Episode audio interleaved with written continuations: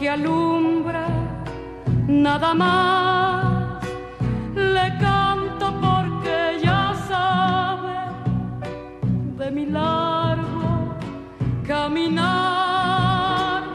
Le canto porque ya sabe de mi largo caminar.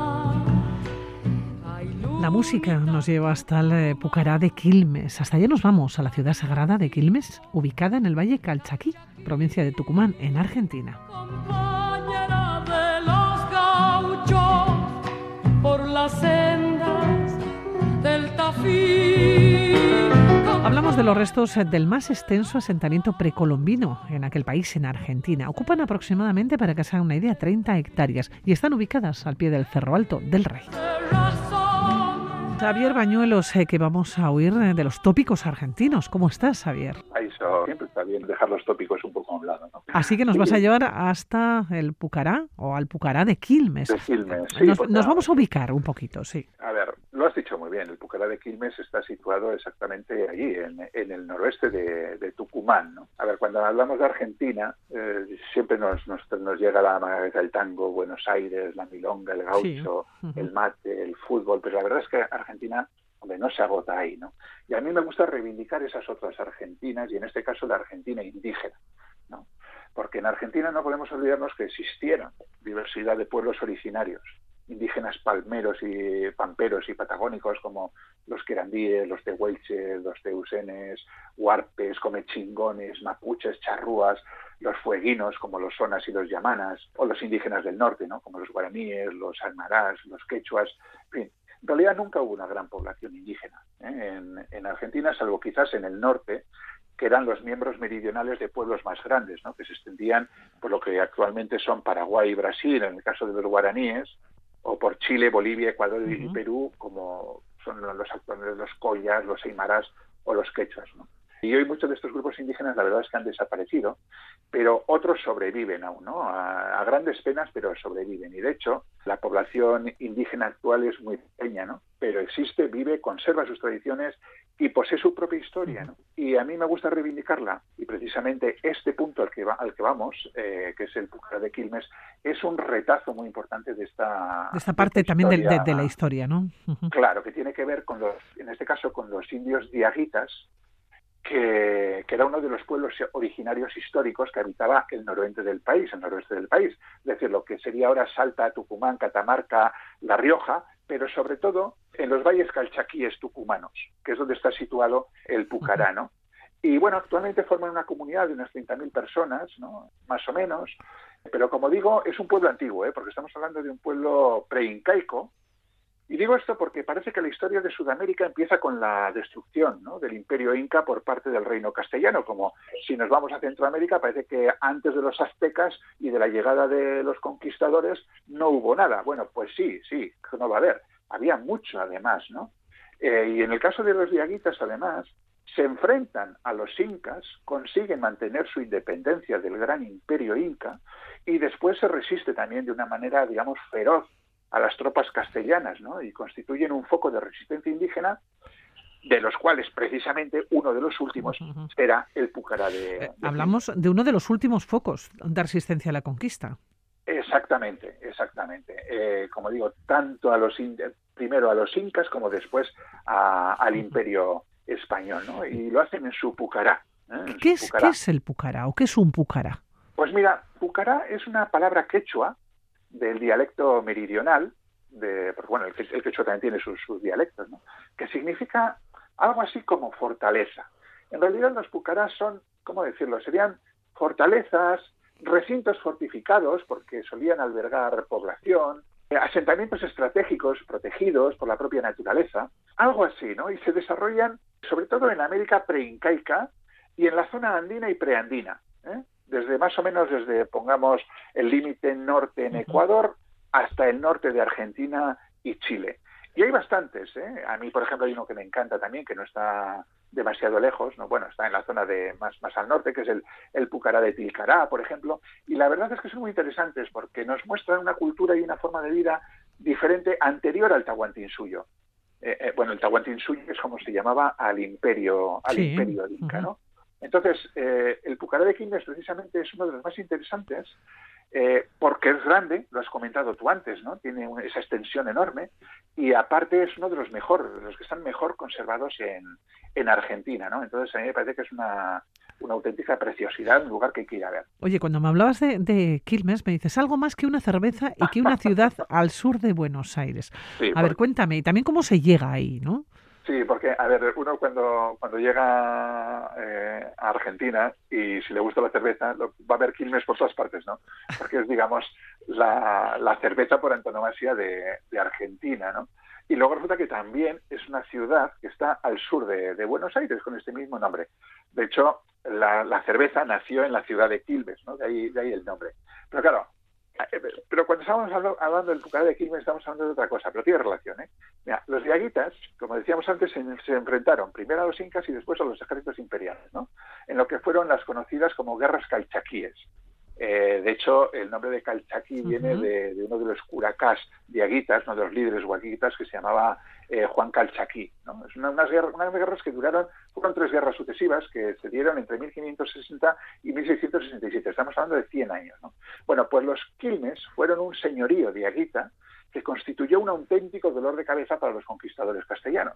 Estos eran duros, eran como los irreductibles galos, ¿no? Algo así, ¿no? Atrincherados ahí en sus tierras y sobre todo en su Pucará, pues ofrecieron una, una resistencia verdaderamente tenaz, ¿no? Y no fueron derrotados hasta 1965, eh, los últimos calchaquíes fueron derrotados en el 67, los diaguitas en el 65, pero con los diaguitas se hizo una cosa absolutamente abominable, porque las deportaciones no fueron solamente cosa de los nazis, ya se practicaban eh, con anterioridad. En este caso, por parte de, los castellanos, anteriormente los, incas también lo habían hecho, no era un hábito que tenían sobre las tierras conquistadas. ¿no? Bueno, el caso es que una vez que fueron derrotados los diaguitas, su población, depende de las fuentes, entre 2.600 y 4.000 personas, la población sobre, superviviente, quiero decir, fue deportada a una reducción al sur de Buenos Aires eh, que se llamó la reducción de la exaltación de la cruz. Tuvieron que hacer 1.200 kilómetros a pie, sin agua, sin comida. Y cuando llegaron a, la reducción, eh, les asentaron allí. Y este fue precisamente el origen de la ciudad de Quilmes. Bueno, llegaron a la, reducción entre 500 y 1000 personas, más o menos también dependiendo de las fuentes, pero bueno, quienes no murieron en el camino, pues fueron muriendo con el paso de los años, ¿no? El desarraigo, enfermedades, hasta que a finales del siglo XVIII desaparecen ya de la faz de la tierra los, los quilmes, que no los diaguitas, porque los diaguitas sí que sí que todavía, como hemos dicho antes, forman una comunidad de unas 30.000 personas. Te, iba a preguntar si, cuando hablabas de la, de la cerveza, ¿es precisamente esta ciudad de Quilmes eh, la que ha dado la, el nombre ¿no? a la marca de la cerveza? Claro, claro, claro. Fíjate, esto viene de 1888, cuando un cervecero alemán, un inmigrante alemán, Otto Bemberg, llega, pues bueno, pues llega a Argentina y evidentemente ¿qué es lo que va a hacer? Pues lo que sabe hacer, cerveza. Entonces eh, él se, se asienta en, en, la recién nacida ciudad de Quilmes, porque la ciudad como tal no nace hasta el siglo, no es fundada hasta el siglo XIX, creo, aunque había existido la, la, reducción, pero la reducción se da por extinta más o menos en esta época, en la época revolucionaria, siglo XIX, y se funda la ciudad de Quilmes. Bueno, pues aquí este Otto Bender llega, se asienta allí y funda allí su, su cerveza.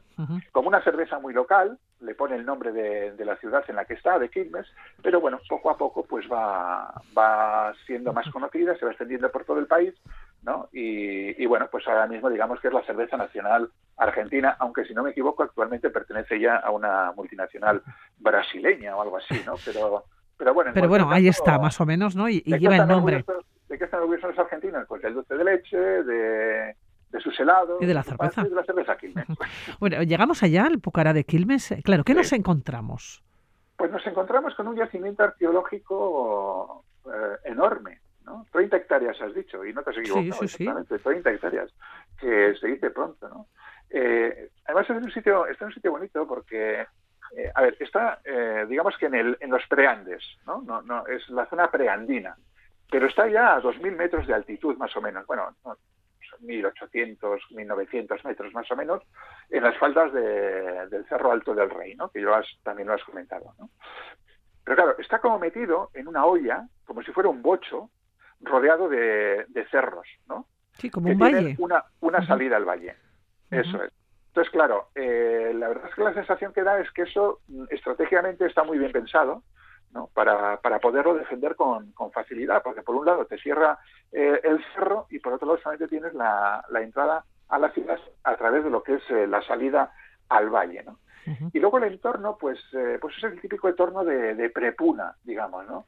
Bueno, Puna es como llaman allí el altiplano, que es este tipo de paisaje andino desolado, eh, prácticamente desierto, pero que se da ya en mayor altitud y hay que subir más o menos hasta los 3.000 metros, 3.500 metros. Bueno, pues digamos que un poquito más abajo, digamos, está la Prepuna, que es eh, un, paisaje que yo creo que lo más, mm, por buscar un símil, yo buscaría la sabana. ¿eh?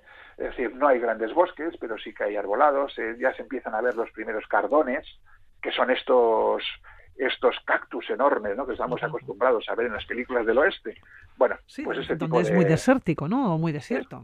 Bueno, no llega todavía a ser desierto. Aquí todavía encontramos bastante vegetación, aunque no encontramos extensiones de, bosque. Ya cuando subes arriba, sí, ya cuando llegas realmente a la puna, al altiplano, ahí sí que encuentras una vegetación totalmente rala y lo único alto que ves son los, los cardones, ¿no? Tampoco es exactamente un desierto, pero bueno, digamos que es bastante despejado de, de vegetación, ¿no? Pues por la altitud, el frío, eh, la escasez de lluvias y demás.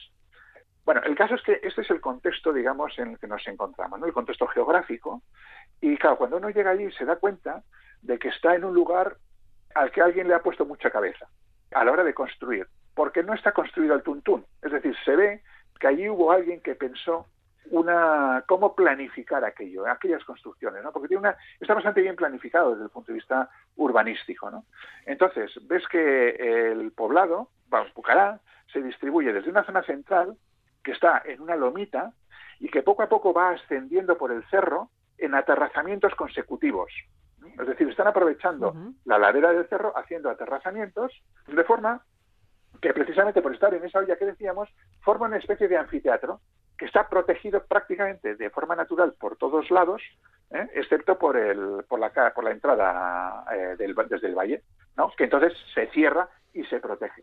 Entonces, es un diseño que combina muy bien lo habitacional y lo defensivo, porque a ver, eh, porque era necesario en aquellos años, ¿no? Sí, sí porque no solamente contra contra incas o contra o contra castellanos, ¿eh? es decir, entre ellos también se peleaban y por ejemplo los los, los diaguitas digo, en los diaguitas no, a ver, los diaguitas es en la comunidad entera, ¿no? Pero los diaguitas quilmes, pues estaban peleados a veces con los diaguitas eh, calchaquíes, ¿no? Entonces, entre ellos también había conflictos. Por cierto, necesitaban estos púcaras defensivos. ¿Quién se acerca hasta la ciudad sagrada de Quilmes? Porque estamos hablando, bueno, de un asentamiento precolombino, tú decías, un yacimiento arqueológico.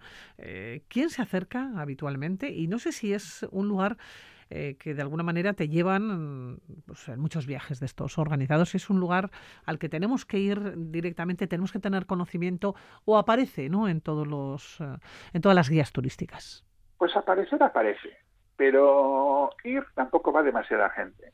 Por lo menos cuando yo he estado por allí, he tenido la fortuna de no encontrar. Los días están un poco O sea, tienes que ir hasta Tucumán, que para mí es una de las zonas más bonitas de Argentina, por ejemplo, ¿no? Tú, hacer un, un, recorrido desde Córdoba, tiras Santiago del Estero, Tucumán, te llegas hasta Salta, Jujuy, todo eso es, eh, todo eso es, es una orgía. Y a mí me parece un viaje fantástico, ¿no? Y Tucumán además, pues bueno, históricamente, pues es, fantástico, ¿no?